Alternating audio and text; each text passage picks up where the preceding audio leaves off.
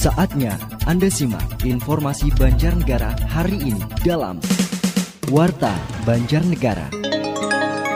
Apa kabar mitra? Radio Suara Banjarnegara kembali menghadirkan informasi aktual serta informasi penting lainnya yang terangkum dalam Warta Banjarnegara. Hari Rabu 28 Juli 2021 informasi utama kami. Pembangunan jalan di Desa Kalisat Kidul, Kecamatan Kalibening mulai dilakukan. Satpol PP kembali sita ratusan botol minuman keras. Inilah Warta Banjarnegara selengkapnya disampaikan oleh Bimo. Warta Banjarnegara. Mitra Banjarnegara, Masyarakat Desa Kalisat Kidul, Kecamatan Kalibening, saat ini merasa lega karena impiannya memiliki jalan mulus segera terwujud. PMK Banjarnegara tengah memulai pembangunan ruas jalan Rawapakis Bakulan yang ada di Desa Kalisat Kidul dengan anggaran APBD yang mencapai 3,3 miliar rupiah lebih untuk pembangunan panjang jalan 3,5 km dan lebar 6 meter. Bupati Banjarnegara Budi Sarwono saat meninjau langsung pembangunan jalan tersebut mengatakan mengatakan, keluhan masyarakat Desa Kalisat Kidul, Kecamatan Kalibening terkait jalan rusak. Sebenarnya sudah mendapat tanggapan PMK Banjarnegara pada tahun lalu. Namun kemudian terkena refocusing akibat adanya pandemik. Sehingga baru pada tahun ini pembangunan jalan Kalisat Kidul dapat dilaksanakan. Budi Sarwono mengaku sangat memahami selama ini masih ada masyarakat Banjarnegara yang belum menikmati jalan mulus. Padahal akses jalan sangat penting untuk kesejahteraan masyarakat. Sebab dengan jalan yang bagus, maka transportasi menjadi lancar dan perekonomian akan ikut berkembang maju. Berarti kalau punya prinsip satu fokus ya satu fokus saja dulu. Nah, saya punya fokus tidak ada lain yaitu adalah infrastruktur. Mana pertanian kita bisa maju kalau kita nggak bantu akses jalannya. Ternyata setelah kita pelajari, kita dalami kepada petani, petani menyampaikan biaya transportasi, ongkos angkutnya itu sekarang murah. Untuk wilayah Kecamatan Kalibening pada tahun anggaran 2021 ini mendapatkan pagu anggaran mencapai 13,4 miliar rupiah lebih. Dana ini untuk pembangunan empat ruas jalan di wilayah Kalibening. Warta Banjarnegara. Satuan Polisi Pamung Praja Kabupaten Banjarnegara menyita ratusan botol minuman keras dari berbagai merek dalam razia minuman keras yang dilakukan tim Satpol PP. Penyidik Satpol PP Sugeng Supriyadi menjelaskan, ratusan botol minuman keras atau miras diamankan dari seorang penjual di wilayah Desa Pucung Beduk, Kecamatan Purwanegara. Menurutnya, razia minuman keras tersebut dilakukan karena adanya laporan dari masyarakat sekitar yang merasa resah dengan adanya kegiatan menjual minuman keras keras tersebut. Warga khawatir minuman keras yang dijual dapat memicu terjadinya keributan dan kegaduhan di lingkungan masyarakat. Setelah disita ratusan botol minuman keras selanjutnya dibawa ke kantor Satpol PP sebagai barang bukti.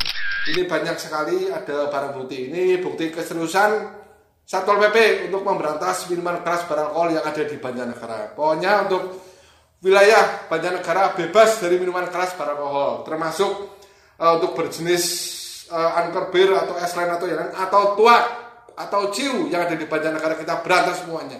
Kita tidak segan-segan untuk menindak para pelaku yang melanggar perda minuman keras yang ada di negara. Para pelaku penjual minuman keras selanjutnya dimintai keterangan dan diberikan pembinaan agar tidak mengulangi perbuatannya. Dan apabila di kemudian hari masih mengulangi perbuatannya, maka akan diproses secara hukum. Warta Banjarnegara. Mitra Banjarnegara, Forkompinda Banjarnegara menggelar rapat koordinasi pendirian tempat isolasi terpusat Kabupaten Banjarnegara di ruang Yuda Kodim 0704 Banjarnegara, rakor dihadiri Dandim 0704 Banjarnegara Letkol ARH Sujaidi Faisal, Kapolres Banjarnegara AKBP Fahmi Arif Rianto, dan Sekda Banjarnegara Indarto bersama instansi terkait. Dandim 0704 Banjarnegara, Letkol ARH Sujaidi Faisal mengatakan, rencananya tempat isolasi terpusat berada di rumah karantina Sigaluh dengan kapasitas 22 tempat tidur. Gedung Inspektorat Lama 4 tempat tidur dan BLK Klampok 60 hingga 70 tempat tidur. Dalam kesempatan itu, Dandim juga mengharapkan Banjarnegara segera mempunyai posko data satu pintu untuk mempermudah mengakses informasi, termasuk koordinasi pelaksanaan isolasi terpusat dengan berbagai instansi. Sekda Banjarnegara Indarto menyampaikan untuk isolasi terpusat yang di tingkat kabupaten telah disiapkan Puskesmas Sigalu 1 untuk masyarakat yang terpapar COVID-19, Inspektorat untuk nakes yang terpapar COVID-19, dan BLK Purwareja Klampok untuk masyarakat di wilayah Susukan, Klampok, Purwanegara, dan Mandiraja. Pada prinsipnya, Pemkab mendukung penuh isolasi terpusat tersebut. Harapannya dengan adanya isolasi terpusat, masyarakat lebih cepat tertangani dari awal hingga akhir. Warta Banjarnegara. Terima kasih Mitra. Anda masih bergabung di 104.4 FM Radio Suara Banjarnegara. Berbagai informasi aktual, lintas peristiwa yang terjadi di Banjarnegara masih Bimo kabarkan untuk Anda dalam Warta Banjarnegara. Informasi yang lainnya, Bupati Banjarnegara Budi Sarwono terus melakukan pengawalan agar kebutuhan oksigen di Banjarnegara tercukupi. Saat ini kebutuhan oksigen terkait COVID-19 sedang meningkat. Menurut Bupati, kebutuhan oksigen yang ada di RSUD Banjarnegara hingga saat ini masih terkendali meskipun kebutuhan itu terus meningkat seiring dengan kebutuhan pasien yang terpapar COVID-19. Karena itu Bupati mengaku akan kawal terus agar ketersediaan oksigen di rumah sakit tercukupi. Selain itu masalah jaring pengaman sosial PPKM juga harus terus dilakukan pengawasan sehingga bantuan bagi masyarakat kurang mampu ini benar-benar terdistribusi dengan baik dan tidak sampai telat diterima oleh masyarakat. Menurutnya, dana atau anggaran yang diserahkan adalah kewajiban pemerintah sebagai tanggung jawab diterapkannya PPKM kepada masyarakat. Dasar dari penyaluran JPS adalah instruksi Presiden melalui Menteri Dalam Negeri, sehingga masing-masing daerah wajib mematuhinya. Ya, kita memantau pembagian jaring pengaman sosial yang mana telah turun instruksi Kemendagri nomor 22 yang mana pada saat ini masih diperlakukan PPKM di bawah darurat. Sekarang sudah berubah. Kemarin PPKM 15 itu darurat. Sekarang kelihatannya sudah berubah. Ada perkembangan yang baik. Sekarang jadi PPKM level 4. Kelihatannya sudah menurun. JPS PPKM diperuntukkan bagi masyarakat kurang mampu yang terdampak adanya wabah COVID-19. Dalam penyaluran JPS PPKM, Pemkab Banjarnegara bekerja sama dengan PT Pos Indonesia. Anggaran JPS PPKM darurat ini berasal dari APBD Kabupaten Banjarnegara sebesar 5,1 miliar dengan total penerima manfaat sebanyak 17.000 KK lebih. Masing-masing KK yang terdampak menerima bantuan tunai sebesar 300 ribu rupiah. Warta Banjarnegara. Kami sampaikan berita yang terakhir.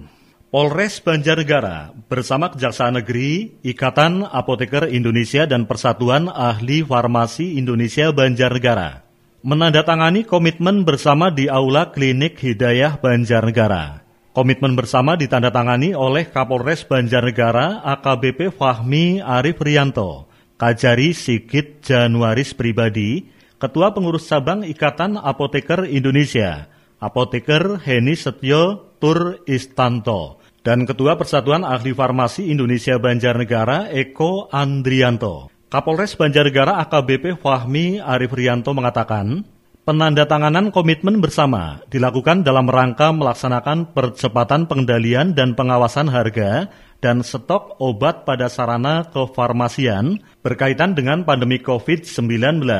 Kapolres berharap adanya komitmen bersama ini akan tercapai optimalisasi, efektivitas, efisiensi, dan keamanan dalam pelaksanaan tugas dan fungsi para pihak terkait pengendalian pandemi COVID-19.